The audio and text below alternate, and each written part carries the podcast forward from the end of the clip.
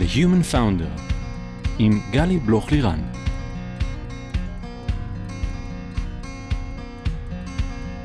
היי, כאן גלי בלוך-לירן, וברוכים הבאים ל-The Human Founder, הפודקאסט שבו מדברים על ההיבטים המנטליים של המסע היזמי. כולם מדברים על ה roller coaster שכרוך בלהיות יזמת, ואולי גם משקיעה. משהו שכמטאפורה מדמה את ה sequence של מניה דיפרסיה. איך חווים low חזק כשאת בחודש שלישי בהיריון, הראשון, ואת מגלה שיש לך סרטן השד? ואיך מרגישים היי מטורף כשאת מפיקה אירוע שכולו חגיגת החיים והאופטימיות עם מאות אנשים בקהל. והמקום הזה, חוסר הוודאות הזה, הצורך לשמור על עצמנו כל הזמן ברמת ניהול עצמי גבוהה, אנרגיה גבוהה ועם חוסן מנטלי להתמודד עם הכל, זה ממש לא פשוט. בכל פרק אני אשוחח עם יזמים, משקיעים, פסיכולוגים, יועצים, במטרה לתת מקום ללייר הנוסף הזה שפחות מדברים אותו בקול רם, ההיבט המנטלי שמלווה את הדרך היזמית, וגם אשתף עצות וכלים שיסייעו לכם לייצר פוקוס, בהירות וחוסן מנטלי, כדי להיות יזמים ויזמות מאוזנים שטוב להם. היום איתי כאן יאנה דרום, וזה ממש ממש ממש כיף לי שאת פה. ולפני שאני אפילו מציגה אותך, אני רגע נותנת לך להגיד אהלן, ותזכרי לדבר למיקרופון. אהלן. אהלן, אהלן. אז אני פגשתי אותך לראשונה לפני איזה שנה וחצי, דרך אנה המהממת, אנה ליפניק לוי, היקרה שלנו. ואני כבר אז אמרתי לעצמי באותה הרצאה, את, את תגיעי לפה. זה היה אותך ואת נטע ריבקין באותו מפגש, אמרתי, זה, נטע הגיע אחר כך, אמרתי, זה ייקח קצת זמן, את תגיעי. כי האנרגיה שלך והסיפור שלך והצבעוניות שבך פשוט נגעה בי בכל, אה, באמת, בכל אה, תא בגוף. והנה, לקח קצת זמן, אבל uh, we made it, ואני ממש ממש שמחה שאת פה. ועל אחת כמה היום, שאני יכולה לשתף שבאמת אני אחרי שבוע מאוד בדאון, עם דברים שקרו ככה אה, באחד הצוותים שמאוד יקרים לי, באחת החברות, שאיבדנו אשת צוות יקרה. וככה זה מאוד הוריד גם אותי למטה, ואז אמרתי, היום, גלי, את רגע, את צריכה cut כזה שנייה, ים בבוקר, יאנה באה בצהריים לפודקאסט, זה בכלל לא עבודה, זה בעצם fun. יש אחר כך אה, lunch עם אה, חבר טוב אה, ומשקיע, והיום הזה כולו הולך בעצם לראות אחרת ולסיים את השבוע החולף. אני חושבת שנתת פה קודם כל טיפ מצוין לאנשים שקורה משהו מבאס, או מכעיס, או מעצבן, או מתסכל בחיים. זה לדעת אה, להגיד, למרות כל המשימות והדברים שאנחנו חייבים להספיק, לעשות אה, שנייה את הקאט הזה ולהגיד, לא, היום אני לנפש שלי, כי אני צריכה להתמלא מחדש. לגמרי, וזה לא קל לנו לעשות את הקאט הזה. אבל uh, אנחנו צריכות, אז אנחנו גם נדבר עליו. Uh, אני רגע אציג אותך בשני משפטים, בשני משפטים. Uh, את יזמת, מרצה ואושיית אינסטגרם, זה בכלל אהבתי את הטייטל הזה, שמלמדת אנשים ונשים איך לגדל שמחת חיים. את הבעלים של רשת יאנה פשן, חנויות אופנה ואביזרים לנשים עם סרטן השד. בוגרת BA בכלכלה ותקשורת ו-MBA במנהל עסקים ושיווק. בעבר היית מנהלת שיווק נמל חיפה ומנהלת שיווק מכבי חיפה כדורסל. עולה. נשואה לעמי, אימא של נויה, שיר ופלג, ואת באמת אחת הנשים היותר צבעוניות ומשמחות, שבאמת רק לראות אותך זה... התאמנו היום את הפלטה של הצבעים, של הבגדים, שיהיה לנו כיף, שהכל כזה יהיה ב... יהיה לך פרק אחד שמוריד את כל ה-level של ההייטקיסטים שאת מראיינת פה. אז... למה לבשת היום, ואל תשכחי לשים לו בלו לפני השידור, סופר חשוב להצלחה בחיים. ומזל שבלנד ורקוסה ירוקה התאימה גם לסטארבקס שלך, שהכל זה בפלטות, הכל מתחבר. רגע, זה לא במקרה. זה לא במקרה. כן, זהו כל ה... כל ה... הנה, כל הנה הזה. הנה תמונה אינסטגרמית. רק תזכרי שהמצלמה עכשיו שם, זה, אז בואי נראה שבזווית הנכונה, הנה, סבבה. לא, תכניסי לפריים אם את רוצה, שיסתדרו לך. בבקשה. שיהיה סבבה. הכל טוב. מהממת. אז אה, ממש כיף שאת פה. יאללה. אני מאוד uh, מתרגשת להיות כאן, באמת. למה? למה? uh, אני אגיד לך אולי משהו שלא חשגיד שאני אגיד אותו. לא, אל תהיי לי רצינית פתאום. לא, אני כן, אני שנייה, פתאום רצינית שנייה אני אהיה רצינית. יאללה, יש קטע כזה ש...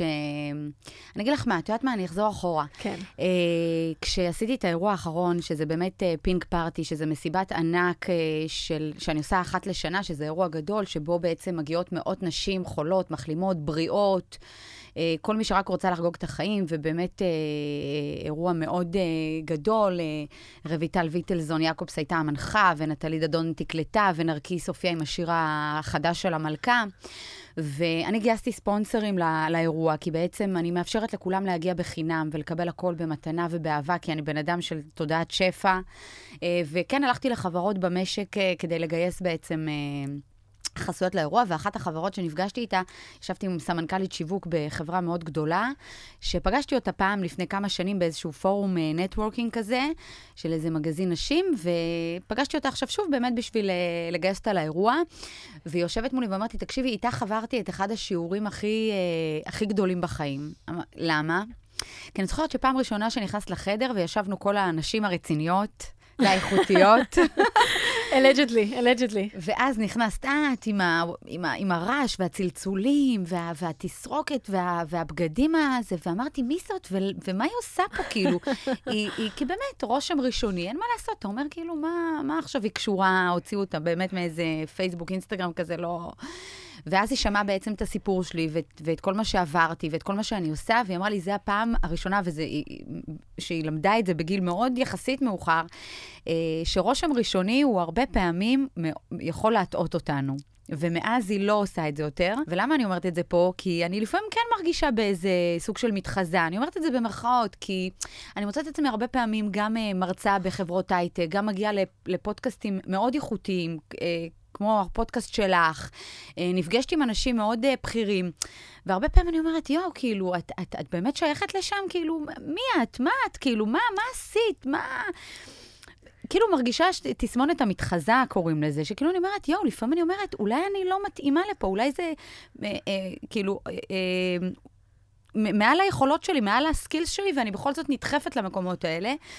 אז בגלל זה אני קצת מתרגשת, כי אני מרגישה כאילו באמת שפעם ראשונה אני מתראיינת בפודקאסט שהוא באמת ככה אה, אה, הייטק וסטארט-אפים ועניינים ואנשים שעשו דבר או שניים בחיים, אז זה באמת זכות גדולה לשבת פה, ושחשבת שאני יכולה להתאים לפה. אני מתאימה, כן? אני באה, אני זה, שלא... איזה כיף. אז קודם כל, אני אגיד כמה דברים על מה שאמרת, כי אני חייבת. ה impostor syndrome, תסמונת המתחזה שאת מדברת עליה, אה, בבקשה, אה, פה נוכחת אה, תמיד וכולי, ואנחנו מדברים עליה המון, מדברים עליה המון המון בפודקאסט. יזמים חווים אותה בלי סוף, יזמות חוות אותה בלי סוף, והיא נוכחת.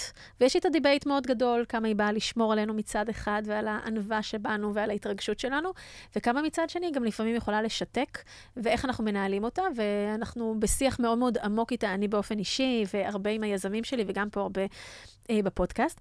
אני כן רגע אקח את מה שאמרת. אה, למקום ש, שבאמת לא, בדיוק אתמול אה, פרסמתי איזשהו פוסט אה, שדיבר על איך שעמדות הכוח שלנו עולות בהיררכיה הניהולית, הרבה פעמים אנשים מאבדים את האמפתיה. אז שממש יש לזה מחקרים אה, אה, אה, ביולוגיים שמראים על הפעילות של המוח, כי האזור של האמפתיה כאילו נכבה, וכמה אנחנו צריכים להיות מודעים לזה, כדי אה, לא... אה, שלא יעלה לנו. שלא יעלה לנו השתן לראש, כן. בדיוק. כן. ריסון הכוח, ככה קוראים לזה בשב"כ. אה, לשמור, לשמור על הענווה, על מידת הצניעות. אה, אה, ולזכור שאנחנו קודם כל אנושיים, אה, שזה משהו שאני מאוד מאוד מאמינה בו, ואני אומרת את זה ככה בהקשר למה שאמרת, כי, כי מי אני? אני פה, אה, כמו שאבי ירון אוהב להגיד, to serve, באמת, לה, להעביר ידע שאני חושבת שהוא מאוד מאוד חשוב, ואמת שהיא מאוד מאוד חשובה עבור נשים ואנשים ומנהלים. לזכור שבסוף כולנו, עם כל התארים ועם כל הכסף ועם כל הטייטלים, וכן משקיעים וכן יזמים, בני אדם מתמודדים עם דברים דומים, הרבה מאיתנו, באים ממקומות שהם, גם אם הם שונים, בסוף אנחנו מתנהג, מתנהלים מהתנהגויות דומות, וקצת להכניס רגע נשימה לתוך הדבר הזה, פעם אחת. פעם שנייה, אה, לפודקאסט הזה קוראים uh, The Human Founder, וזה נכון שרובו באמת עוסק בפאונדרים שהם בעולמות הטק, uh, הטכנולוגיים, הסטארט-אפים, או משקיעים מקרנות או אנג'לים וכולי, אבל יזמות היא לא רק בהייטק. אה, יזמות היא קודם כל DNA של אנשים, ויזמות יכולה להיות יזמות פנים-ארגונית, וכל אדם שהוא עצמאי, שבוחר להיות עצמאי, או להקים עסק, יש בו מן היזמות. יש המון פנים ליזמות והמון צורות ליזמות. אה, ו...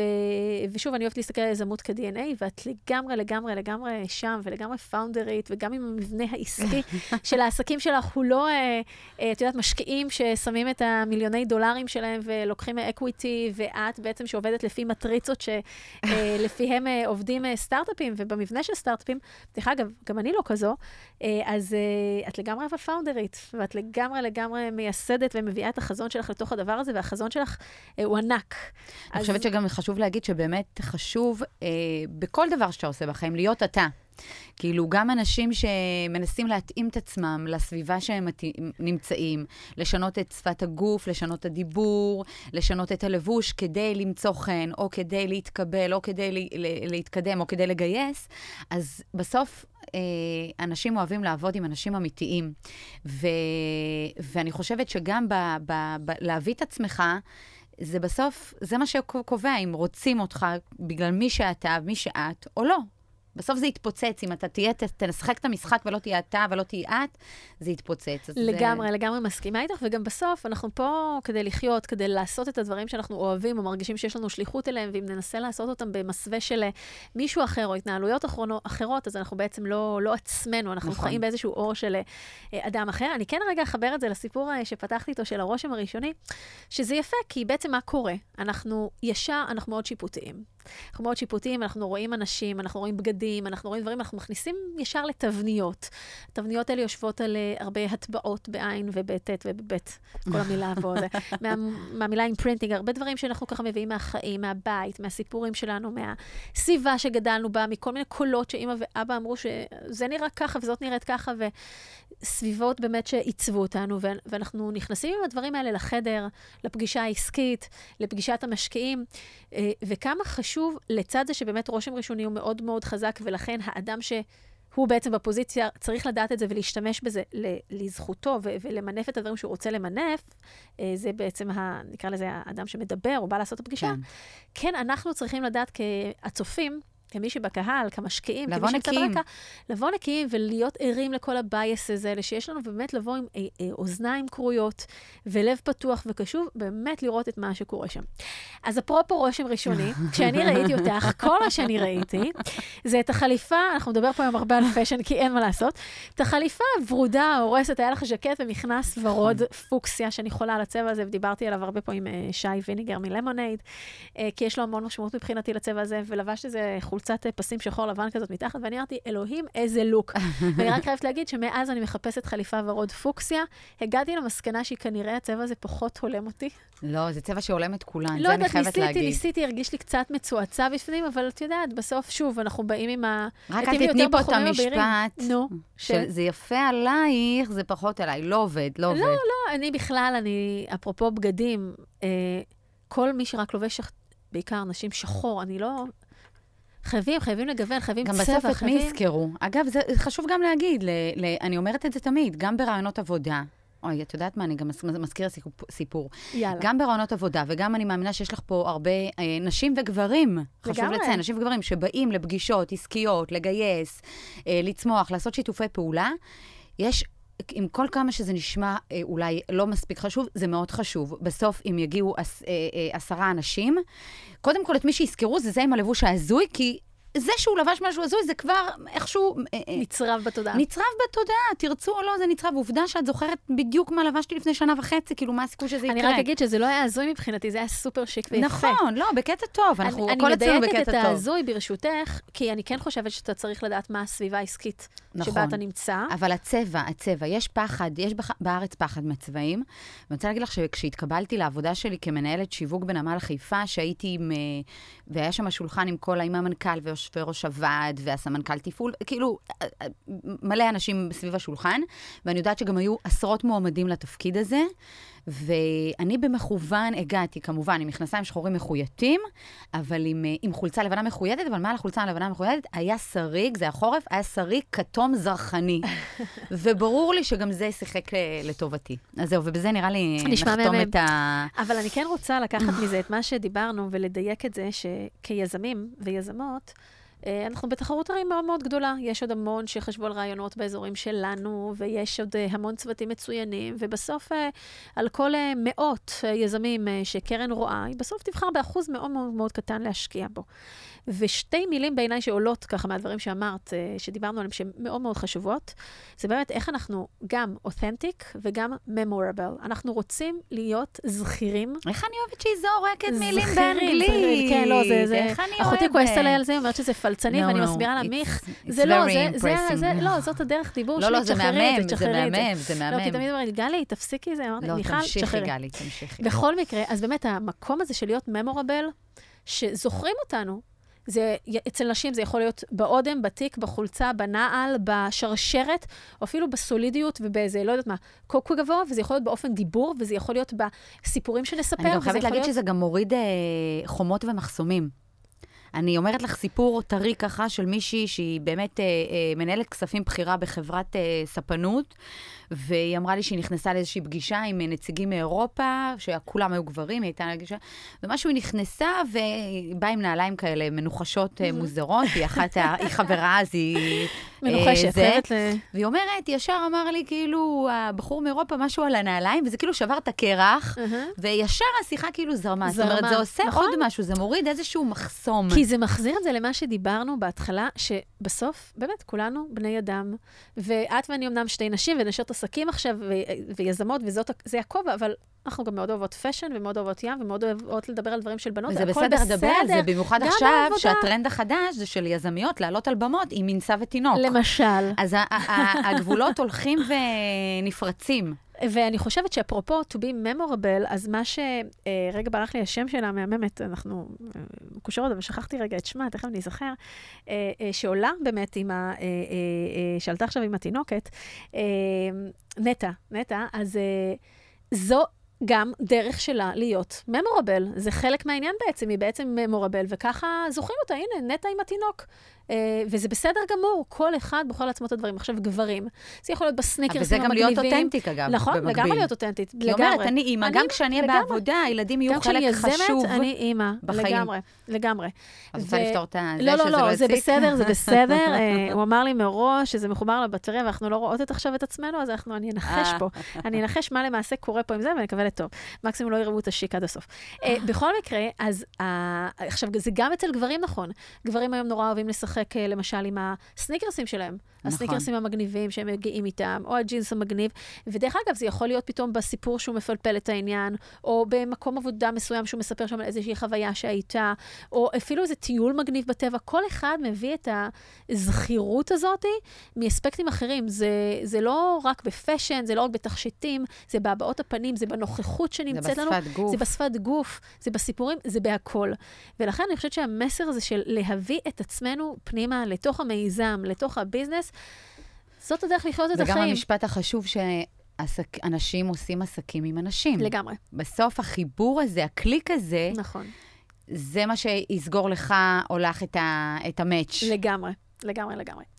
אז טוב, אז קשקשנו רגע על כל הדברים האלה, אבל אני רוצה עכשיו ללכת קצת אחורה, ואני רוצה אה, לבקש ממך אה, בעצם אה, לספר על, אה, על אותו רגע, ה-lowest of low, שאת אה, מספרת, כך שהזכרתי אותו בפתיח, שאת בעצם בחודש אה, שלישי להיריון עם בתך הבכורה, ואת מקבלת את הבשורות המאוד מאוד מורכבות האלה, וזה בעצם, אה, אם אנחנו נל, נס, היום נסתכל על זה ברטרוספקטיב, זה איזושהי נקודת אה, מפנה מאוד מאוד משמעותית בחייך, שמשם דבר הוא לא אותו דבר כבר, ואני חושבת שהסיכום שלה יהיה, תגידי לי אם את מסכימה, שלצד כל המורכבויות הגדולות מאוד מאוד שהיא נושאת בחובה אותה נקודה, מורכבויות פיזיות, רגשיות, אה, עסקיות, ניהוליות, משפחתיות, הכל, אה, יצאו ממנה המון, המ- הייתה ממנה למידה מאוד משמעותית וקרו ממנה המון דברים אה, מדהימים.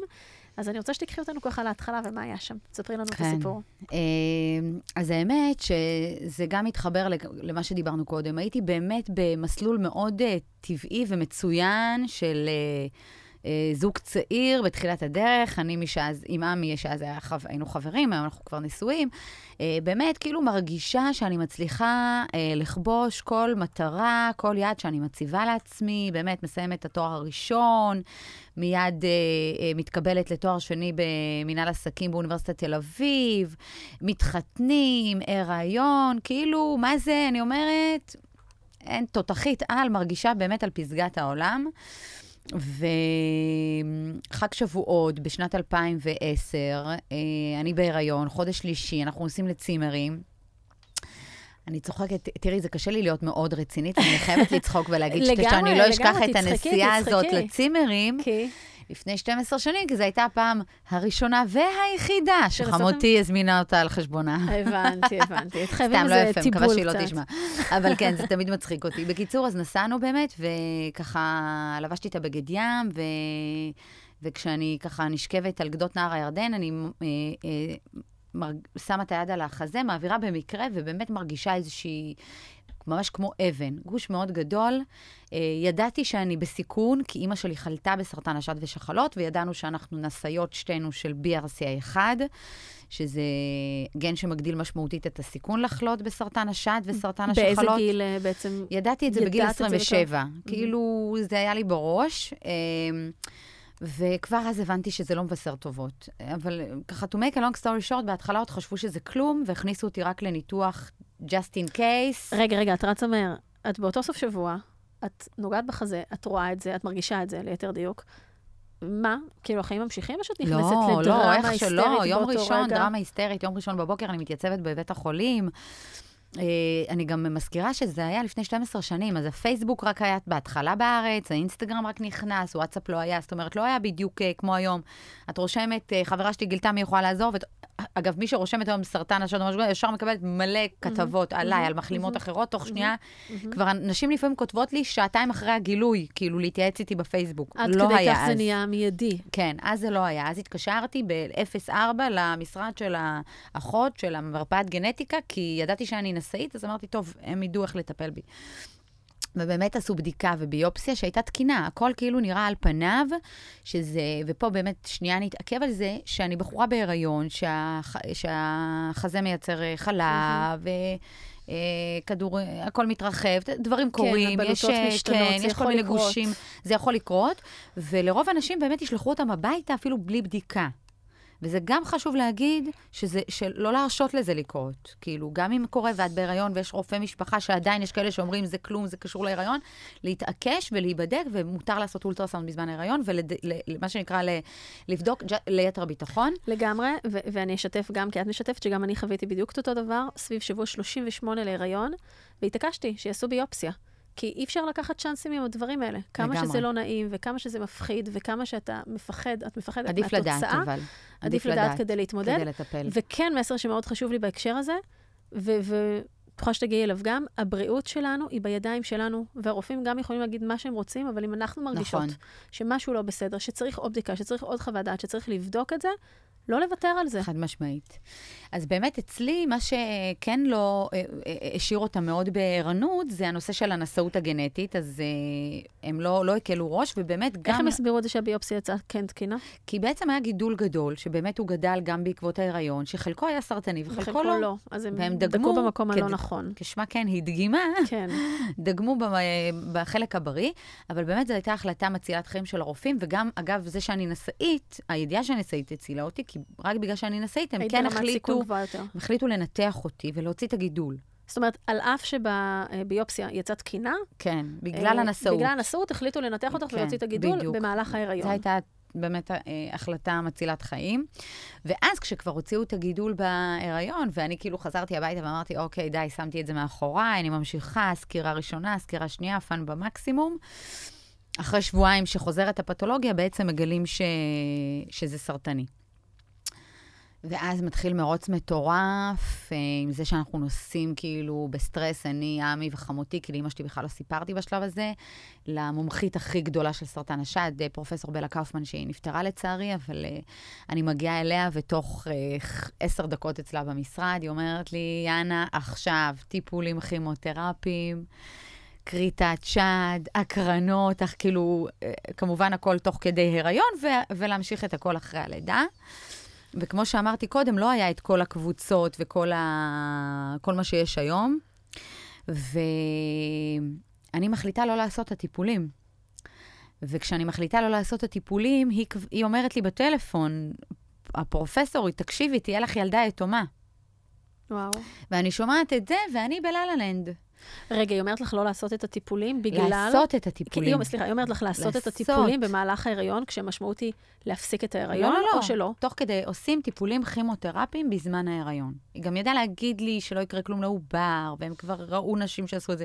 אבל אני הייתי בטוחה שאני הבחורה היחידה בישראל, בת 28, שיכולה בסרטן השד באמצע ההיריון, ופשוט לא, לא הייתי מסוגלת בכלל לדמיין את זה. גם בראש שלי הייתה את אימא שלי שהייתה עם קרחת. אמרתי, איך אני עושה את זה? איך אני מכניסה את הרעל הזה מה, לגוף מה שלי? היה החסם המשמעותי שלך שם, למעשה, שאת מצד אחד... את- שפחדתי שמשהו יקרה לתינוקת. זה, זה היה החסם. ואני אגיד לך משהו שמתחבר לה, להווה. אה, כשהחלטתי לא לעשות את הטיפולים, אז כתבתי, אני אוהבת לכתוב, את יודעת, אה, הרבה, כותבת הרבה, עובדת גם על איזה ספר עכשיו, ואני זוכרת שכתבתי מכתב לתינוקת שבבטן, כאילו כמו המכתב שלו נכתב בלאישה. Mm-hmm. וכתבתי לה ש... כתבתי לה המון דברים, וכתבתי לה שאני אפילו לא מרגישה אותה עדיין זזה, אבל uh, אני מקבלת החלטה לא לעשות טיפולים. וסיימתי את זה בזה שאני כותבת שאני מאוד uh, מתפללת שאני אגיע ליום שאני uh, אשמע אותה אומרת את המילה אימא, תחשבי כמה זה צעיר, ויגיע ליום שאני אראה אותה כותבת את המילה אימא. ונעשה 12 שנים אה, והנה אנחנו כאן, והילדה תכף חוגגת בת מצווה. ותגידי, עמי ואימא שלו והרופאה, אני רואה אותך את הלחלוכית מתרגשת, הם לא אומרים לך, יאללה, כאילו, מה קורה איתך? התחרפנת על הראש? כאילו, את חייבת עכשיו לעשות את הטיפולים? איפה, איפה המקום הזה שבין, זה הגוף שלך וזו החלטה שלך, ומצד שני, סביבה שרואה, ואולי גם רוצה לשקף לך, שאת צריכה לחשוב על זה מאוד היבטים, איך את מתמודדת עם זה? קודם כל, יש לי איזה blackout, אני לא זוכרת. היום יש חברות שאומרות לי, אבל אמרנו לך, אבל כאילו דיברנו איתך על זה, וגם הרופאים אמרו לי את זה, אבל הייתי ב... אני לא יודעת אפילו להגיד, לא יודעת אם לקרוא לזה על אוטומט, כמו על איזושהי אה, תכונה באופי שיש לי, שהיא קצת אה, הלכה רחוק מדי, mm-hmm. שזה אופטימיות חסרת תקנה, mm-hmm. לא מציאותית לרוב. Mm-hmm. כאילו, אני בכל הסגרים של הקורונה אומרים לי, יש סגר עוד זה, אני אומרת, מה פתאום לא יהיה? כאילו, כל הזמן. ולמרות שאנחנו התוודענו ש, ש, שטעיתי עדיין, כל פעם הייתי באיזה תקווה של, זאת אני, וזה, וככה, זה מה שהרגשתי. הרגשתי שאני מקבלת החלטה טובה, ושאני עומדת מאחוריה, וגם עמי כן תמך בי בהחלטה הזאת. זאת אומרת, גם הוא עם הבלבול שלו מאוד פחד, עליי ועל התינוקת. אה, חשוב להגיד שזו הייתה טעות מאוד גדולה. כאילו, אחד הדברים הראשונים שעשיתי אחרי שהחלמתי, זה לפתוח קבוצת וואטסאפ אה, ב...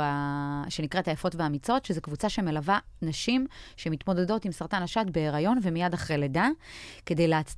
לנתב אותם. בצורה נכונה מנשים שעברו את אותו דבר, ולא איזה מישהי או מישהו שתגיד לי מה לעשות, והיא לא הייתה שם בדיוק במקום הזה. ואולי קצת את האופטימיות החסרת תקנה, לתת להם עוד איזשהו מבט. זה גם, אבל זה בעיקר רגע. באמת לא לעשות את הטעות, כי, כי, כי אם נלך קדימה, אז ממש לפני ש...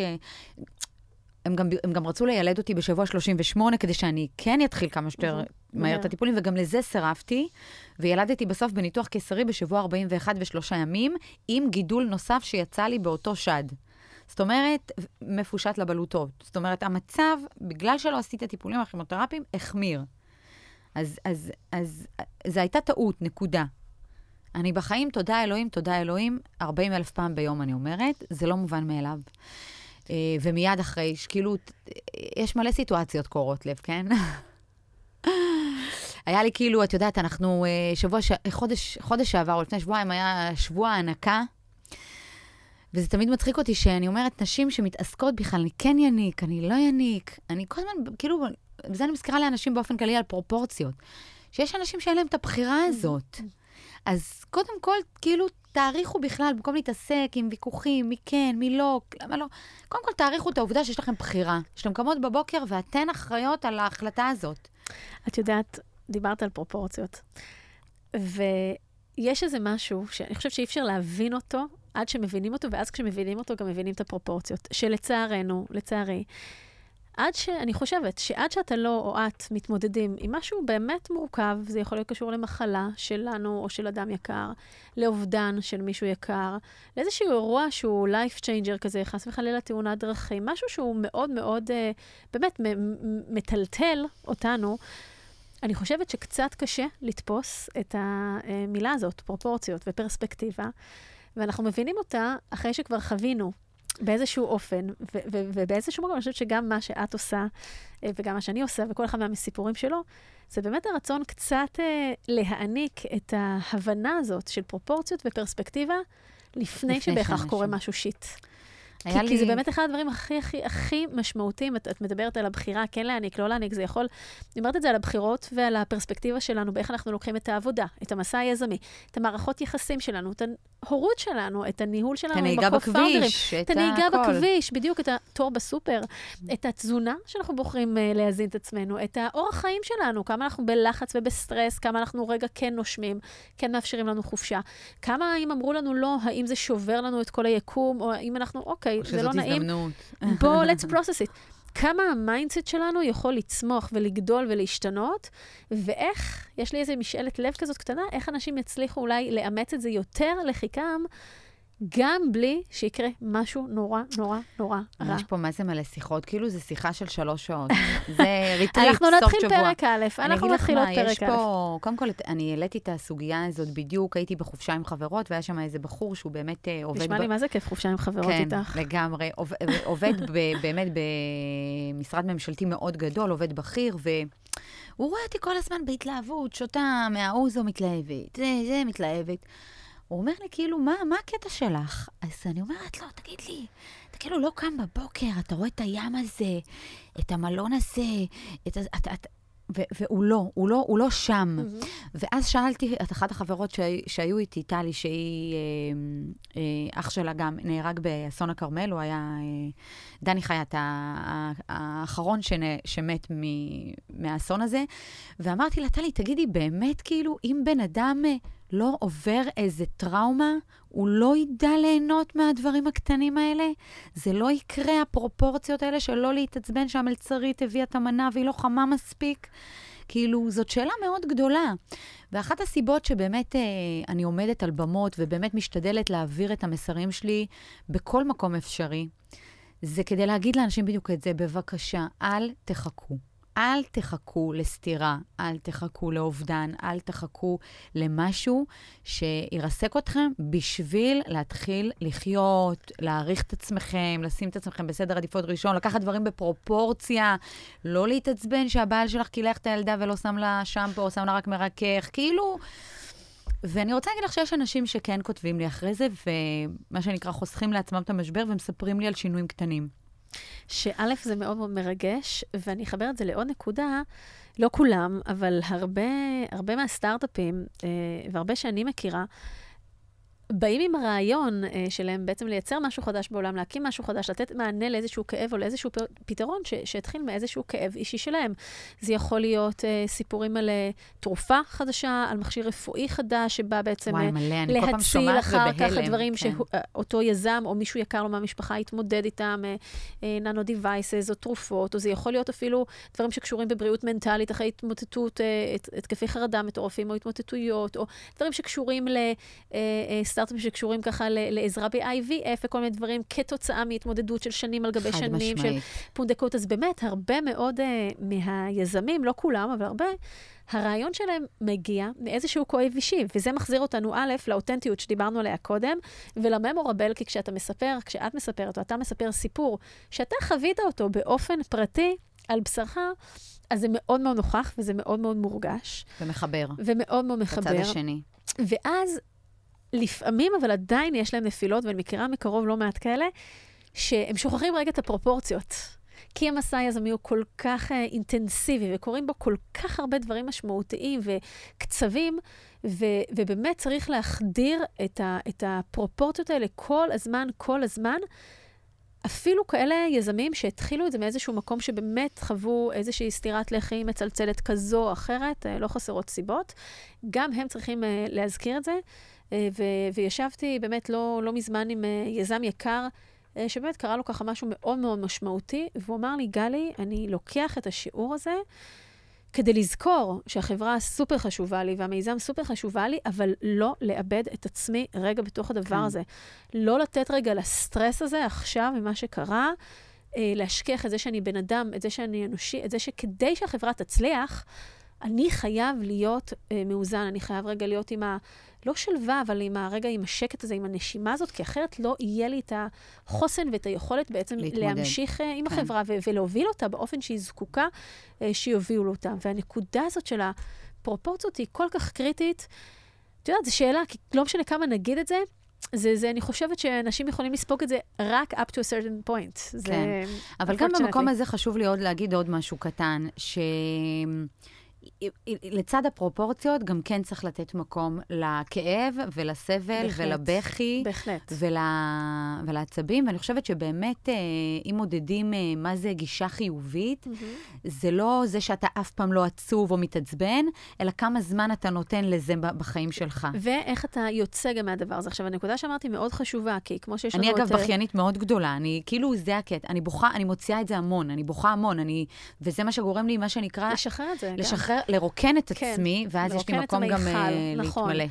ומה שאת מתארת, למעשה, אה, בין אם אנחנו לוקחים את זה, דיברתי על זה פה בעבר פעם, על אה, מודל אה, קובלר רוס של ההתמודדות למעשה עם אובדן, אבל זה לא חייב רק להיות על אובדן, זה יכול להיות גם על הרבה התמודדויות אחרות בחיים, to process it, ורגע להיות עם הדבר הזה עוד לפני ה processing, להכיר בזה שקורה לנו עכשיו משהו, שאנחנו חווינו חוויה מאוד מאוד טראומטית, אירוע חיים מאוד מאוד מטלטל. אנחנו צריכים רגע להיות בתוכו, אנחנו צריכים רגע לתת את המקום להכיר בזה שזה מה שקורה, כי אנחנו לא רובוטים ואנחנו מתנהלים בתוך זה. ורק אחר כך יבוא העיבוד בעין של הדבר הזה, ורק אחר כך תבוא גם היציאה מזה. הכל שאלה בסוף של כמה זמן אנחנו באמת עוברים את התהליך הזה, כמה זמן כן. אנחנו בתוכו וכמה זמן אנחנו אחר כך אה, חוזרים, וגם כמה זה משפיע או לא משפיע על רמות התפקוד שלנו. ככל שאנחנו באמת מצליחים להמשיך ולתפקד, אז אנחנו במקום שהוא יותר חסון אה, ובריא.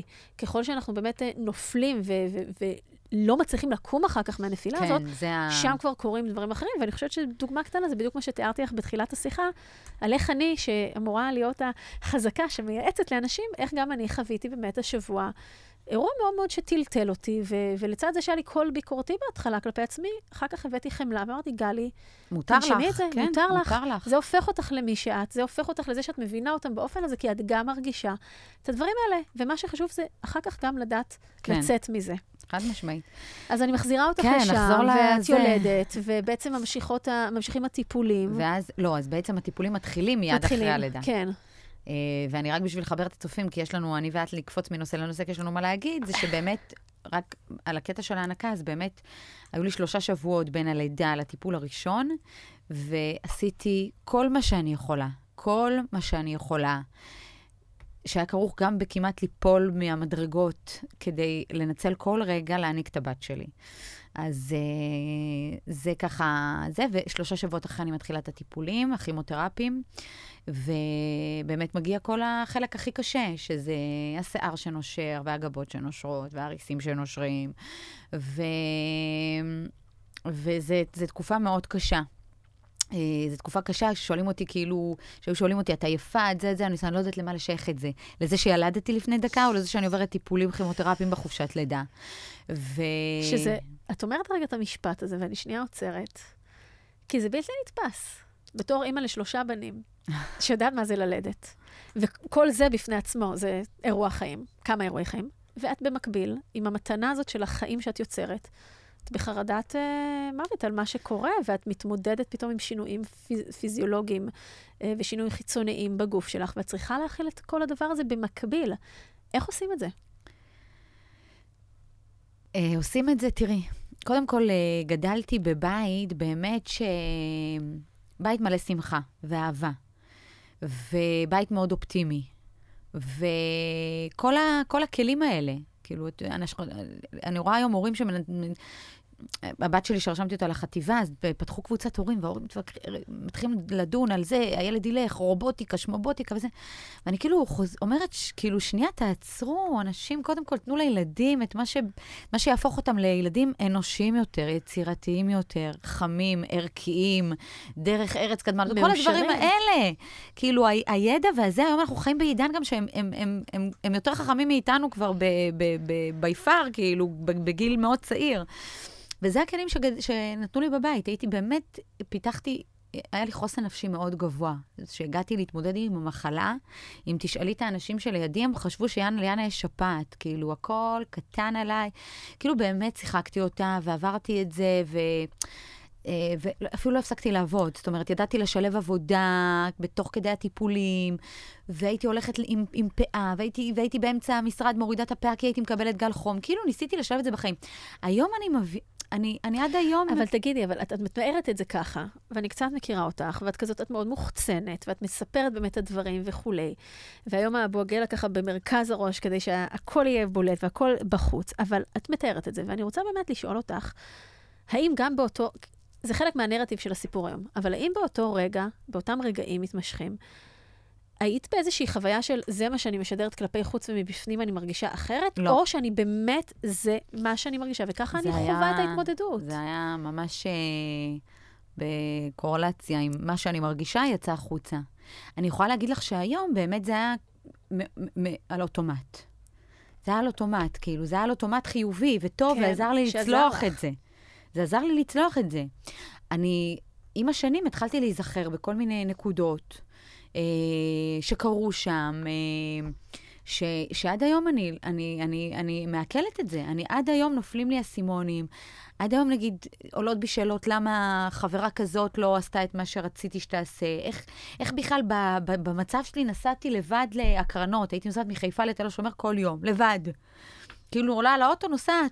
כאילו, שאלות כאלה, דברים לא הגיוניים עשיתי, לא יודעת. לפעמים כשאת שואלת את עצמך, א', מאיפה היה לי את הכוח, בדיוק. את הכוחות, בדיוק. ב', מאיפה הייתה לי את התעוזה ואת האומץ, וג', כן. כאילו את מסתכלת על עצמך, תגידי לי אם, אם זה נכון האופן שבו אני מתארת את זה, בסוג של אה, קצת חוויה חוץ גופית כזאת, שאת מסתכלת, מה, מה, מה, מה קרה חשבתי שם? מה לעצמי? חשבתי לעצמי? כן. איך ידעתי לנהל את זה? כן. מאיפה? איפה מה זה ש- בא, הפייט הזה שהיה לי שם בתוך הדבר הזה? אני, אני אומרת לך, אני, אני, אני, קודם כל, אני, אני באמת בן אדם חזק. ו... וכמו שאמרתי, מכל הילדות שלי, כל הילדות שלי, שאני לא רוצה להיכנס לזה, אבל באמת כאילו, עלינו מבלרוס בשנת 89 לארץ, אז חוויתי את כל קשיי הקליטה והעלייה האפשריים. בת הילדות כמה היית אז? בת שבע. וכל ה, כל, ה- כל התהליך הזה של ההגעה לארץ וההתמודדות, והורים שלא מדברים אה, עברית, אה, הפכו אותי בגיל שבע למבוגר האחראי. למה אמרת שאת לא רוצה לדבר על זה? כי זה עוד... אה, זה עוד פרק? זה עוד פרק. זה עוד פרק, זה ממש עוד פרק, אבל, אבל באמת, אה, תראי, כל, כולם מדברים על זה שברגע שיש לנו ילדות שהיא קשה, זה יכול לקחת שני כיוונים. או אנשים בוגרים שהם מידרדרים לסמים, לדברים אחרים, באמת לא, לא מאמינים בעצמם, הולכ, לא, לא מתפתחים, לא צומחים, אלא להפך, הולכ, לאו דווקא נופלים לסם, כן? אבל אה, הולכים לחיים מאוד שג- שגרתיים, סטנדרטיים, בינוניים. אצלי זה היה הפוך. היה לי השני. drive מטורף. אני אגיד לך משפט שאימא שלי אמרה לי, כי בדיוק כתבתי אותו ב, באחד הפרקים של הספר, זה שאימא שלי, לפני שנכנסתי ביום הראשון לכיתה א', אמרה לי, אם את לא תלמדי טוב, את תהיי מנקת רחובות. וואו, משפט אחד, משפט. מאותו רגע, מכיתה א' ועד שסיימתי את התואר השני, תעודת הצטיינות כל רבעון. כאילו, זה לאן זה לקח אותי.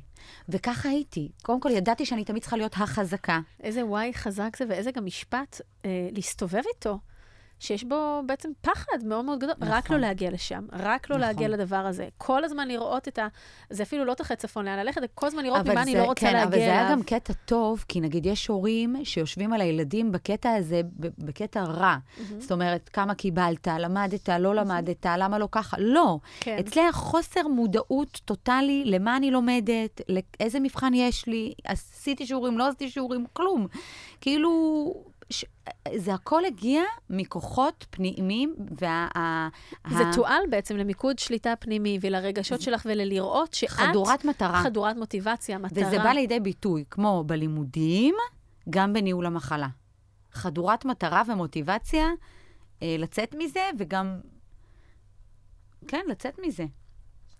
ואז למעשה כל הטיפולים, כן. אחרי שאת שלושה שבועות מניקה את הבת שלך, ומתחילים כל הטיפולים, כמה זמן את עוברת אותם? הטיפולים, זה, זה בעצם שנה של, אה, של, אה, של התמודדות, אה, טיפולים כימותרפיים, הקרנות וניתוח כריתת שד. וזה המפנה הבא בכל הסיפור, כי את יודעת, את אומרת, אוקיי, הרבה נשים מתחילות תהליך של החלמה, כמה זמן אני צריכה, זהו, עוד שנה זה נגמר. ואז דברים מתחילים להסתבך, כי באמת אני עוברת ניתוח כריתת שד, ו... אה, נכנסת בידיעה שאני עוברת שחזור פלסטי, ומיד אחרי הניתוח אה, מתחילות בעיות וזיהומים.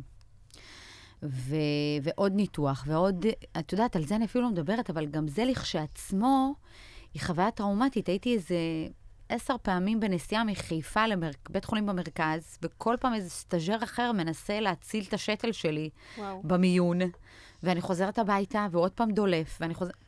כאילו באמת מקום כואב, לא איזה, רזולוציה שכאילו כואב, לא, לא בא לי פשוט לבאס נשים שהולכות לניתוח, כאילו, להוריד להם את הזה, אבל זה אבל, קורה. אבל א', זה- זה חלק מהמורכבות שבדבר וזה הזה. גם קורה, אנשים בטוחים, אני באמת, לאחרונה דיברתי על זה, אנשים בטוחים שאישה חולה בסרטן שד, עוברת כריתת שד ויוצאת עם ציצי. ואין אין, אין, אין, אין אופציה אחרת, וזה לא נכון. יש המון סיבוכים והמון שחזורים שלא מצליחים, ויש גם המון נשים שרוצות לא לעשות מלכתחילה, כי זה ניתוח מאוד מסובך, קשה וכולי, ויכולים להיווצר בעיות. זאת אומרת, יש נשים שבסופו של דבר יוצאות מניתוח כזה, והן יוצאות בלי שד.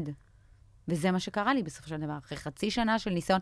אגב, אני חושבת שגם ה over מוטיבציה שלי היה בעוכריי במקרה הזה, כי אני חזרתי מהר מאוד אחרי הניתוח לעניינים. לעשות ספורט, ללכת לעבודה. לא נתתי לגוף שלי להחלים. להחלים. מהמם, לא פיזית ולא נפשית. מהמם. כאילו, מבחינתי, את יודעת מה, זה מוטיב חוזר. מבחינתי, להיות בתנועה, מהמם. זה המוטו שלי. בחיים שלי. בכל דבר. מהמם. לטוב, ולפעמים זה לרע. נכון. מה שעשה לי הסרטן, אגב, שהרבה פעמים אומרים, סרטן הוא מתנה. הוא לא מתנה, חד משמעית, אבל הוא כן מביא איתו מתנות.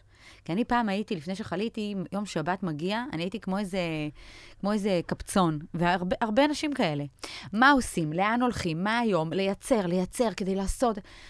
למדתי כשחליתי שתנו לי, תנו לי לנוח, תנו לי להירגע, תנו לי ליהנות מהשגרה, מהשיממון, מהלא לעשות כלום. אנחנו לא מעריכים את זה עד עד שלוקחים לנו את את זה.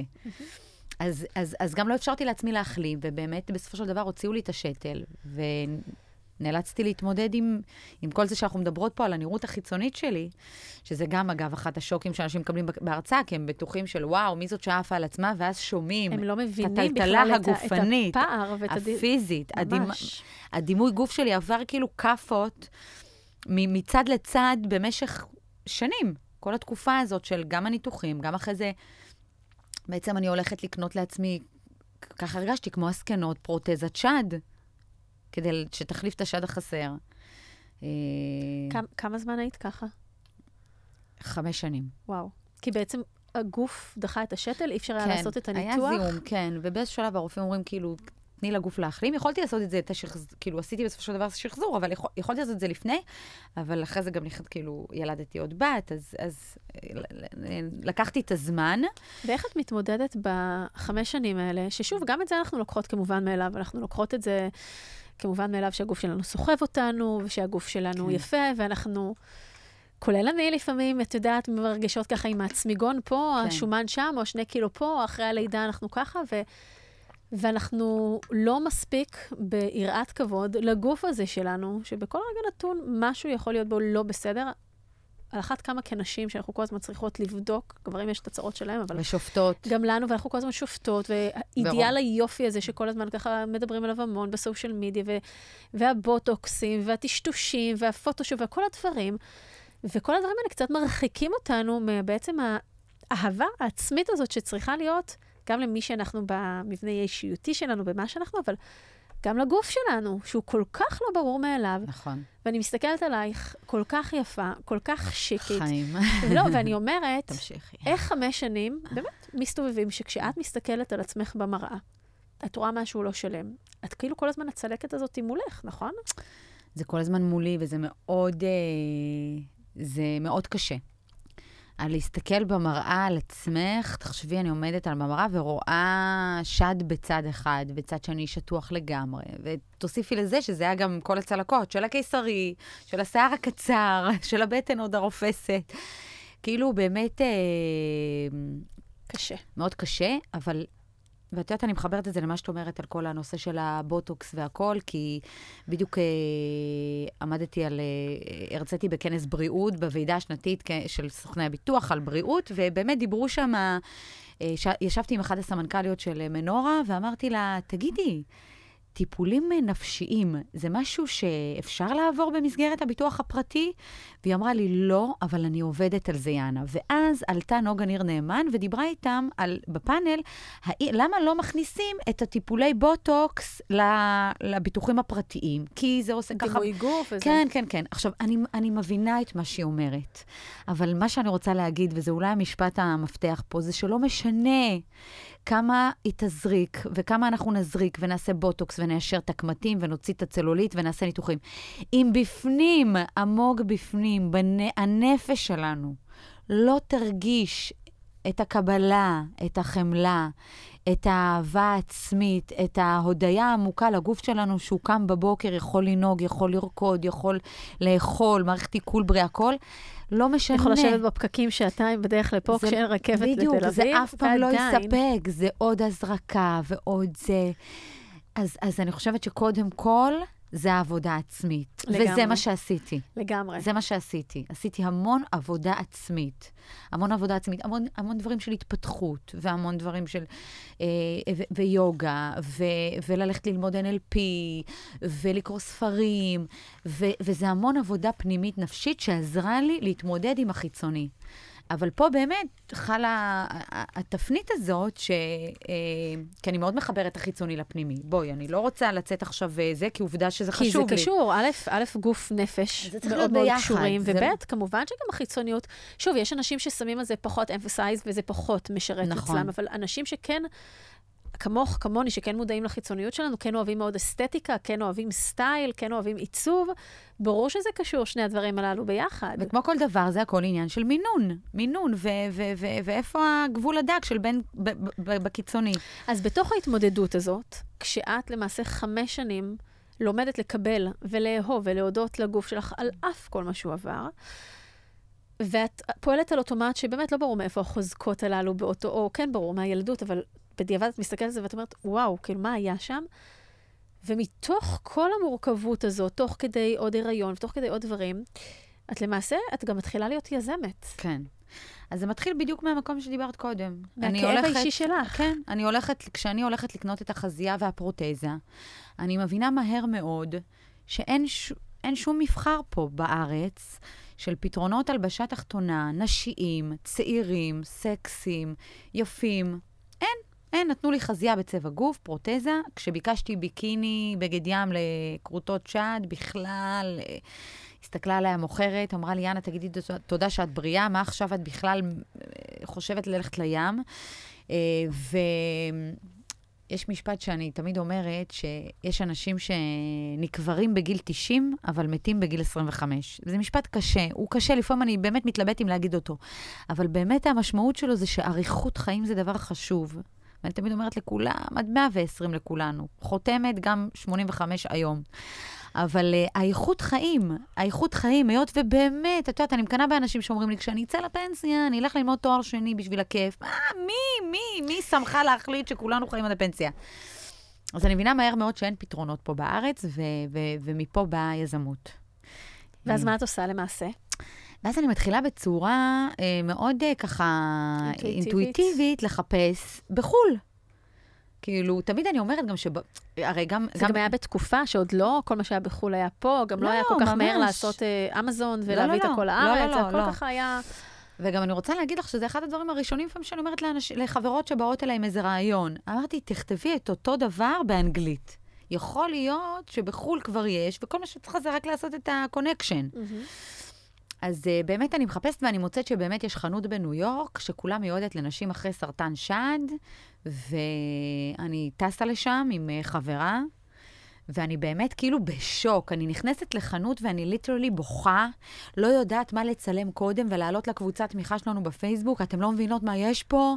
יש אוצר, גיליתי אוצר. יש פה חזיות, יש פה בגדי ספורט, יש פה בגדי ים, יש פה כובע מצחייה שמחובר אליו שיער, שזה כאילו חלום של אישה שעוברת טיפולים. שמישהו שבכלל לא מבין את הכאבים האלה לא יכול, לא יכול. לא יכול להבין לא, את העוצמה של זה. יש לנו השטג כזה, זר לא יבין. זר לא ושלא יבין. יבין. ושלא יבין.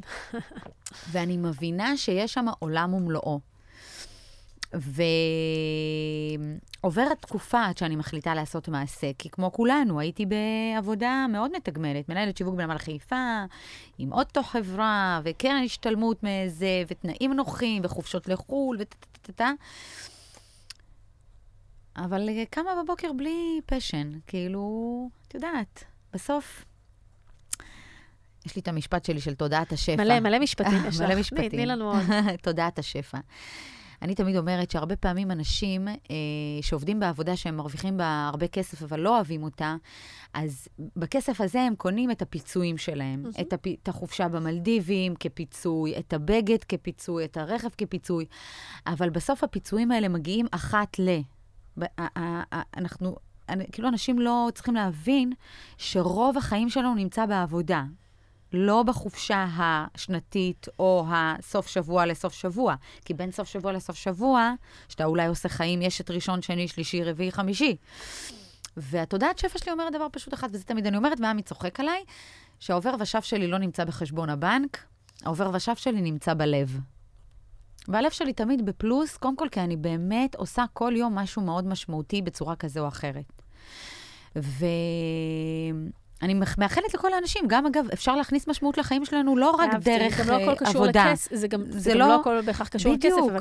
כי אני אקח את זה רגע לעוד מקום. יש סביבי לא מעט אנשים, גם שאני מייעצת להם, שאפרופו עובדים בהייטק, בתפקידים, ואני לא אומרת בזה איזו אמירה, כן, לא, אני, אני חוזרת כל פעם לנקודה הזאת, מה נכון לי, נכון. מה מדויק לי. אין פה איזו אמת אחת אה, מוחלטת, או איזה מסר ספציפי שאני רוצה להעביר, אבל שבאמת נמצאים בעבודות האלה, שהן, דרך אגב, הן לא עבודות רעות, הן uh, עבודות מאוד מתגמלות כספית, לא, כן. עם uh, פרסטיג' וגם uh, הפעלה של המוח, ובאמת יש בהם לא מעט דברים טובים, אבל אותו אדם, בן אדם, בת אדם ספציפיים, אה, קבור, מרגישים קבורים שם, מרגישים שהם לא חיים, מרגישים שהם לא נהנים, מרגישים שהם משועממים, מרגישים שהסביבה פחות נעימה להם, מרגישים שלשבת כל היום בין ארבעה קירות ובלפטופ, דרך אגב, גם אם זה היום מהבית ולא רק מהמשרד, זה לא האופן שבו הם רוצים לחיות את החיים, אבל הם לא מסוגלים.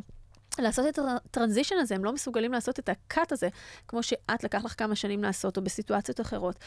כי הם כל כך מפחדים מלהפסיק להרוויח את הכמויות כסף הללו, מה prestige, מאיפה אני אהיה? גלי, מאיפה? מה... איך אני אגדיר את הזה. עצמי? איך אני, איך אני אבוא עכשיו לפגישה או לנטוורקינג או לשיחת שישי, ומי אני אהיה? מי אני אהיה אם אני אתפטר מהעבודה הזאת? אני רוצה... ו... רגע, שנייה אחת. והנקודה הזאת שהם כל הזמן ממשיכים באותה נשימה להגיד, אבל, אבל אנחנו לא חיים, אבל לא טוב לנו, אבל ביום-יום. והם, והם רואים את זה. אבל המקום הזה שבאמת לעשות איזשהו צעד ולשנות את זה, הוא, הוא מאוד מאוד מאוד קשה, ו, והמון אנשים נתקעים שם. ובמקום הזה באמת לפאונדרים של סטארט-אפים ולמנכ"לים של סטארט-אפים ו- וחברות בצמיחה, כמה חשוב גם להבין את זה, ולהבין גם שהדור של היום מתנהל אחרת, ופחות יכול גם, הדורות הצעירים יותר, לראות את עצמם כל היום רק מהבוקר עד הלילה, בין אותם קטלים אה, ובין, אה, מול אותו מסך מחשב, וכמה חשוב כן לאפשר להיות גם האני הזה, וכן, גם לזכור שבעבודה אנחנו באמת מבלים שם את מרבית שעותינו ביום.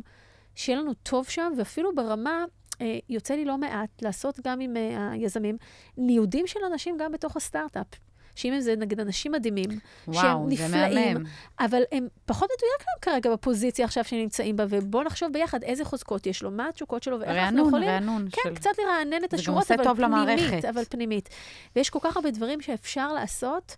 זה לא מה שחייבים עכשיו לעזוב את העבודה או להתפטר, נכון. אבל לזכור שאנחנו צריכים לחשוב מה טוב לנו, מי אנחנו, ושאנחנו לא רוצים להיות תקועים במקומות ולא לזוז מהם, כי החיים קצרים. אגב, להכניס משמעות זה גם, זה גם בעוד דברים. זה קודם כל לקחת את אה, איזשהו תחביב שאנחנו דוחים ולהכניס אותו לחיי היום-יום.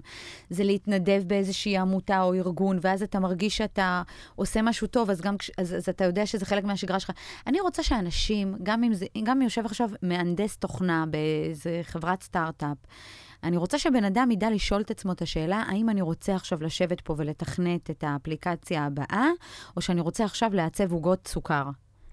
וידע לענות לעצמו בכנות מה באמת בא לו לעשות באותו רגע, וללכת עם, ש... ש... ש... עם התשובה שלו עד הסוף. כי את וזה, יודעת... וזה מבחן מאוד מאוד פשוט, באמת, לא רק, אבל גם של הנאה, של ג'וי, הנאה באלף. כן. אחר כך היא תייצר הנאה בעין, את ה drive. אבל באמת, השאלה הפשוטה הזאת של אה, אנשים, נגיד, שמתלבטים עכשיו, רוצים לעבור עבודה, או לעשות שינויי קריירה, או לעבור לא מההייטק, כן להייטק, או בתוך ההייטק בין תפקידים. שאלה נורא פשוטה של איך ייראה היום שלי, במה אני הולכת לעשות, במה אני הולכת להתעסק. האם אני כל היום מתעסק באקסלים, או בחוויית משתמש, או בראיונות עם לקוחות, או בלעצב, או בלהיות אה, בהמון המון נטוורקינג, או בלהפיק אירועים, או בלפתח, באופן הזה או באופן הזה, ולשאול את עצמנו האם כיף לנו ברור שזה לא כיף 100% מהזמן, בשום דבר לא כיף 100% מהזמן. נכון. אבל כל עוד, גם בלהיות עצמאי וגם בלהיות נכון. יזם, וגם בטח לא בלהיות מנכ"ל של סטארט-אפ, ממש לא כיף שם 100% מהזמן. אבל אם עדיין אנחנו מרגישים שמשהו מספיק חזק, שקורה לנו כל בוקר לקום לתוך הדבר הזה, שאנחנו מרגישים שם משמעות, שאנחנו מרגישים שם impact, ושהדבר הזה עוזר לנו כל יום מחדש להניע את עצמנו, לעשות את ה restart במכונית כל בוקר מחדש. נכון. אז את חוזרת לארץ מניו יורק, ואת uh, מלאת uh, ככה uh, התרגשות ודברים, ולוקח קצת זמן, ואז את למעשה מקימה ואז, את יאנה פאשן. כן, כן, ואז אני מחליטה בעצם לפתוח uh, חנות בחיפה, ואחרי זה חנות בתל אביב. Uh, שתי חנויות שבעצם uh, מספקות את כל מה שהיה חסר לי, את הפרוטזות שד, את החזיות. כמו אותה חנות בניו יורק. את הב... בדיוק אותו דבר, ממש קופי-פייסט.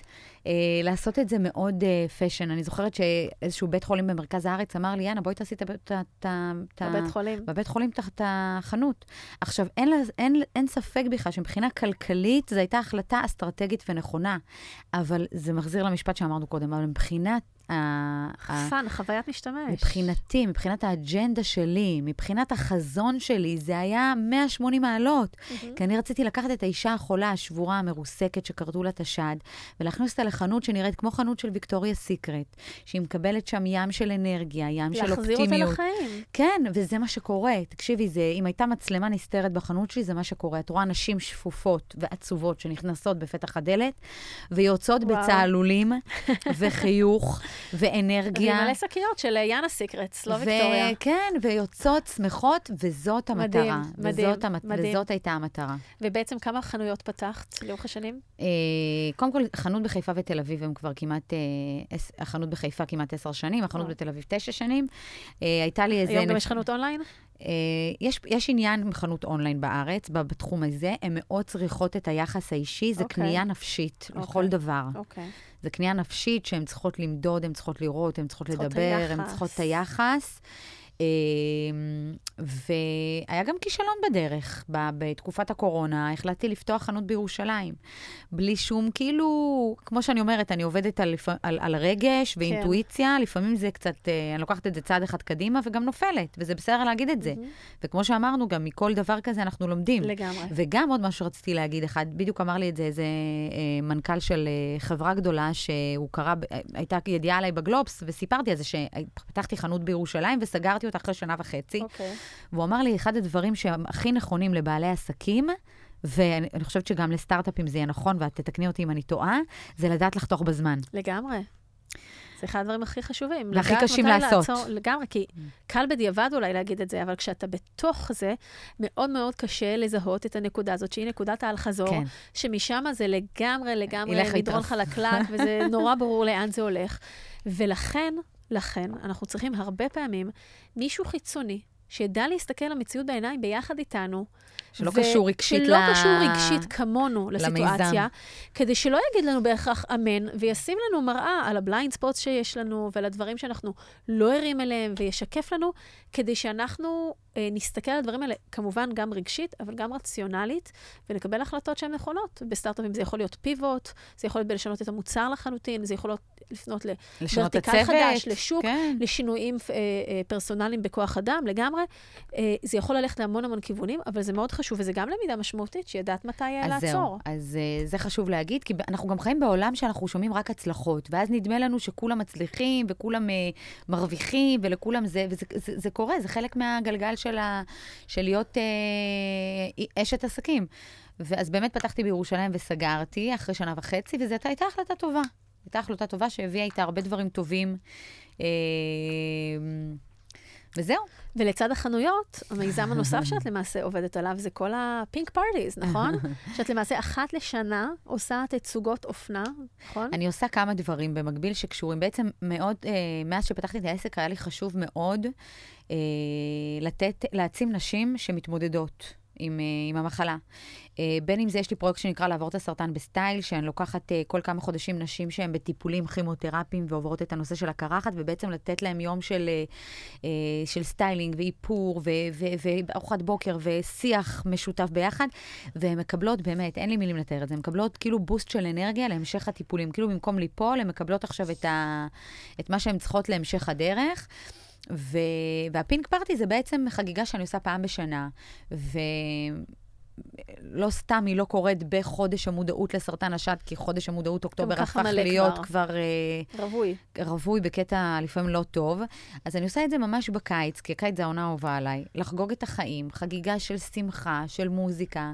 אז כאילו כל מי שנכח בקהל יוצא עם איזושהי אפוריה מטורפת. אני אומרת לך... Uh, גם נטלי דדון, שבאה כבר פעם שנייה, וגם רויטל ויטלסון, שלא יודע לאן היא מגיעה, כתבה לי אחרי האירוע, כאילו, וואו, וואו, וואו, וואו. היא כאילו לא, כאילו אנשים היו בטוחים שזה איזה... טוב, מס... שנה הבאה אני מבקשת הזמנה. מה, זה מטורף, זה מטורף. אני חושבת שאחד הדברים שעבורי אה, מדהימים להקשיב, אה, מהמקום האישי שלי, זה קודם כל איך את מדברת על נושאים שהם באמת, הם מורכבים וקשים, ואת מפיחה בהם המון המון המון אופטימיות.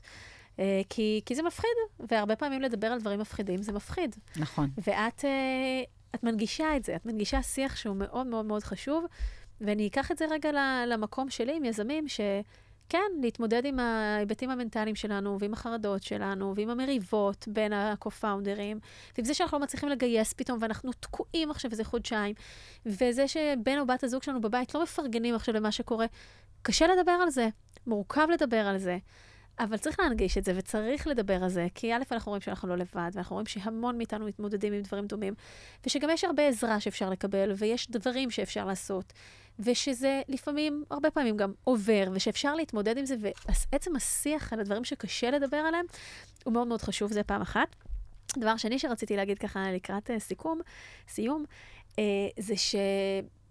מתוך הכאב האישי שלך, את עשית משהו, אבל שהוא כמובן מלא מלא אימפקט ומלא מלא ערך, אבל את גם חיה ממנו. את חיה ממנו, ואת חיה ממנו בכבוד, ואת לגמרי יזמת עסקית, וזה אפרופו מכניס לנו עוד אור לכל העניין של מיזמים חברתיים ויזמות אימפקט. וואו, זה מאוד שזה חשוב. שזה נורא חשוב שבאמת, כדי שהם יעבדו וכדי שהם יהיו סוסטיינביליים, צריכים להיות שם מודלים עסקיים, ויש הרבה אנשים נפלאים בארץ שמדברים על זה, ועופר פלין, ושירלי קנטור, ועוד המון אנשים יקרים, ש...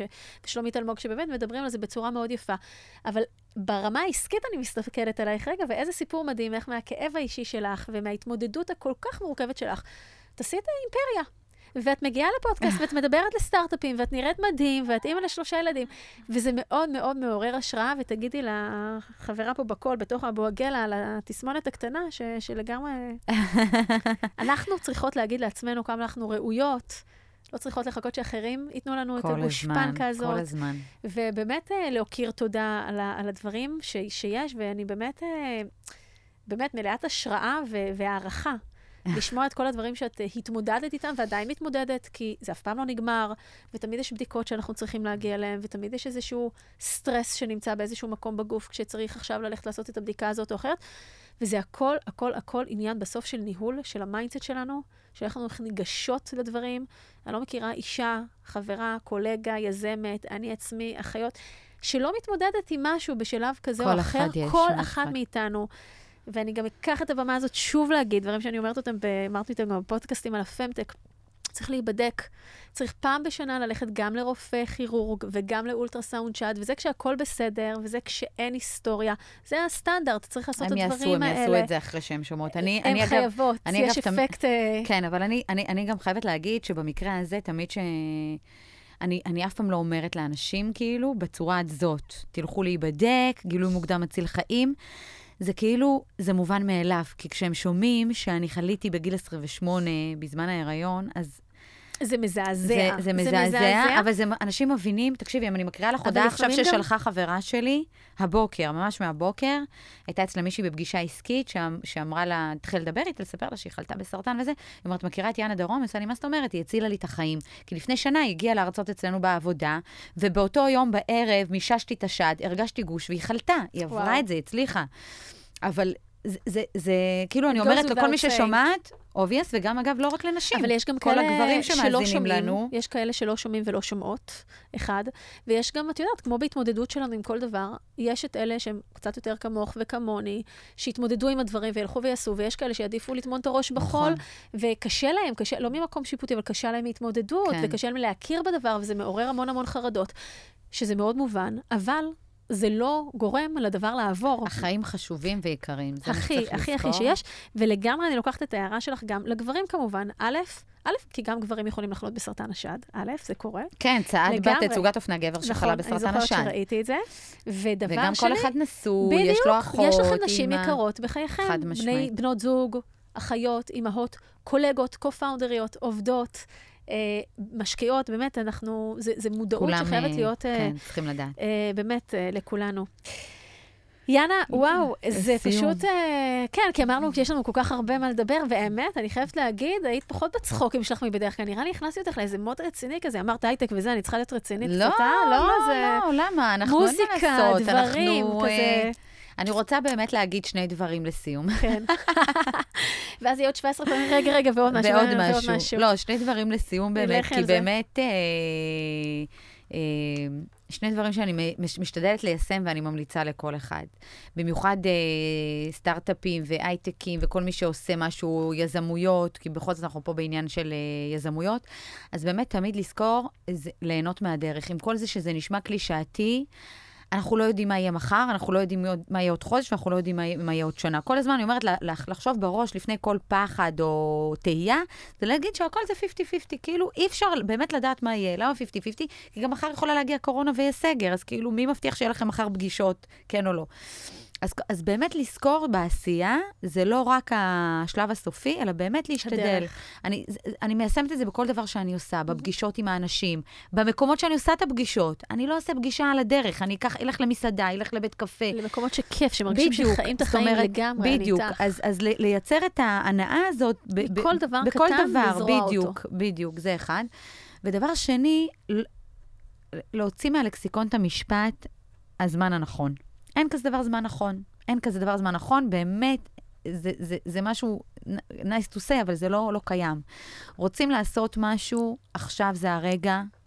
אה, ותוך כדי העשייה, לא לשכוח לייצר שמחות. לייצר לייצר. לעצמנו שמחות בדברים הקטנים. בסוף ישאלו בן אדם, מה גרם לך לשמחה בשבוע האחרון?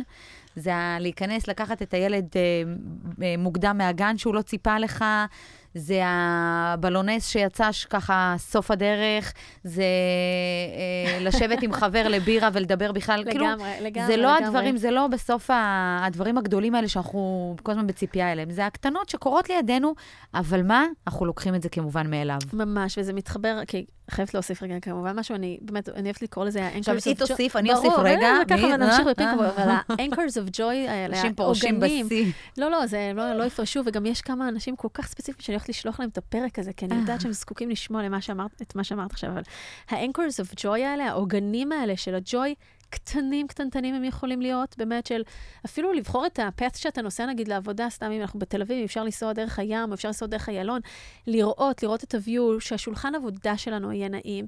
אה, אותי נורא שימח המק הוורוד החדש שלי, כי בא לי שיהיה לי מק. ורוד, אוקיי? וראית איך לא ויתרתי על הקפה? ברור. התהפך העולם. ו- ו- אבל מה לא עוד הנגזרת? הקפה. את אמרת לי, גלי, אני מאחרת, פקקים וזה, ומה אני אמרתי לך? אמרתי לך, יאנה, הכל בסדר, תנשמי, תבואי, תביאי את הסנדוויץ'. אני מחכה, למה? כי בניהול הזמן, וזה נורא נורא פרקטי הדבר הזה, לא הכל לעשות בלחץ, כן להשאיר את הדברים האלה, להשאיר את הבלת"מים האלה, להשאיר קצת את הזמן, כדי שלא נכניס גם את עצמנו ללחץ מתוך הדברים. נכון. ואז הלקוח לצורך העניין מגיע בכיף, או המשקיע מגיע בכיף, אנחנו יכולים להתכונן אליו מנטלית לתוך הפגישה הזאת. כן. אנחנו נהנים גם יותר, אנחנו, יש לנו זמן ככה לשיח הקטן בתוך הדברים האלה, ובאמת זה כל כך עוזר ליהנות מהדרך, כי אין לאף אחד מאיתנו מושג מה יקרה בשום צורה, ולחיות כל יום באמת בשיא. בלי שזה יהיה קלישאה. כן. לשים לק ירוק פיסטוק, זה כמו, ה- זה כמו ה crunch פיסטוק עכשיו, אה? ש- המבוקש. המסחרה עם ה crunch. מי. ששמע על crunch פיסטוק, נא שיביא, לדווח. שיביא. יאנה, וואו, היה לי באמת כיף, אה, תענוג. אה, להסתכל עליכם כל הזמן, אני בוחנת את כל השרשראות, את כל הקעקועים, את כל היא השיער. אומרת את זה לכולם, מכירה את זה? לא, לא, לא, לא. מי שמכיר אותי יודע שלא, אני באמת מסתכלת פה על כל מילימטר, מה אני ככה סופגת ממך, כי זה כן. הכל כיף לי, זה הכל עושה לי אה, כיף, ואני חושבת שוויזואליזציה ויזואליזציה ועיצוב מאוד משפיעים על איך שאנחנו מרגישים בלב.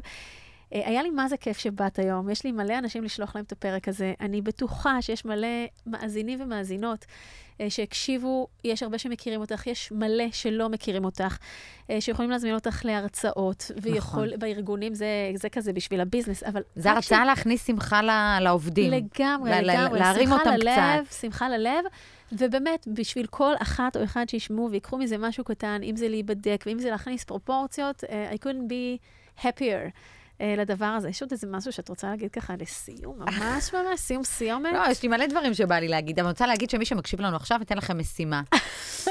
מי שמסיים את הפרק הגיע עד לכאן, אתם עכשיו שולפים את הטלפון איזה זו אושיית הנייד. אינסטגרם שבה מדברת. לא, לא, לא. לא? שולפים את הנייד, פותחים את הוואטסאפ, ו? פותחים את הוואטסאפ, נכנסים להתכתבות. גם גלי, את עושה את זה עכשיו. נו, נו. משמשת דוגמה. נו. את פותחת את ההתכתבות עם בעלך, כן. כל מי ששומע, עם, עם אוקיי. הבעל, עם האישה, אתם פותחים את ההתכתבות, איפה שרשמתם שם, תקנה שתי קילו עגבניות, ארבע לא מלפפונים, קנית קוטג'? למה לא עשית? אל תשכח את הילדה בחוג, תחזור מוקדם. אתם כותבים שלוש מילים. אני אוהבת אותך. יאללה. אם אתה גבר, אתה רושם, אני אוהב אותך. יש לקחתי. מצב הם יכתבו, מה קנית, מה עשית, איפה את, מה נפל עלייך? מה אכלת, איזה פטריה. הקשבתי לגלי וים קשקשות. אבל לא לחכות לרגע הנכון להביע את האהבה כשאנשים קשה להם. להגיד את זה ככה סתם ביום בהיר אחד. מהמם. מהממת את. נסיים בהרבה אהבה. תודה. רגע, מה את מורידה את האוזניות? חכי רגע עם הבועגלה שלך. אה, רגע, עוד אה, לא, עוד לא. לא, לא, זהו, רגע, זה נסיים, נגיד את המשפט סיום. אה, תודה רבה שבאת, היה לי ממש ממש. ממש כיף. אה, ומי שבא לה- לעקוב אחרי יאנה, היא באינסטוש, היא בפייסבוק, אפשר למצוא אותה, זה זה די אה, קל. I'm all over the place, All מה שנקרא. גלי מחזיקה פה עט, ככה נראית רצינית, כמו יונית לוי בחדשות, אני עם הלובלו ביד. הלובלו והקפה.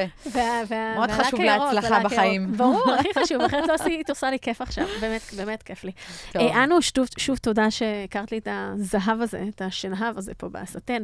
למאזינים, אנחנו נשים פסיק, כן, עד לפרק הבא. ככה אני גם אומרת ליזמים שלי, מסשן לסשן. אם נהניתם, אני ממש אשמח שתפיצו את הפודקאסט ליזמים ומשקיעים שאתם מאמינים שיקבלו ממנו ערך, בטח את של היום. תודה לגוגל קמפוס שמאפשרים לי להקליט כאן את כל התוכן הכל כך חשוב הזה.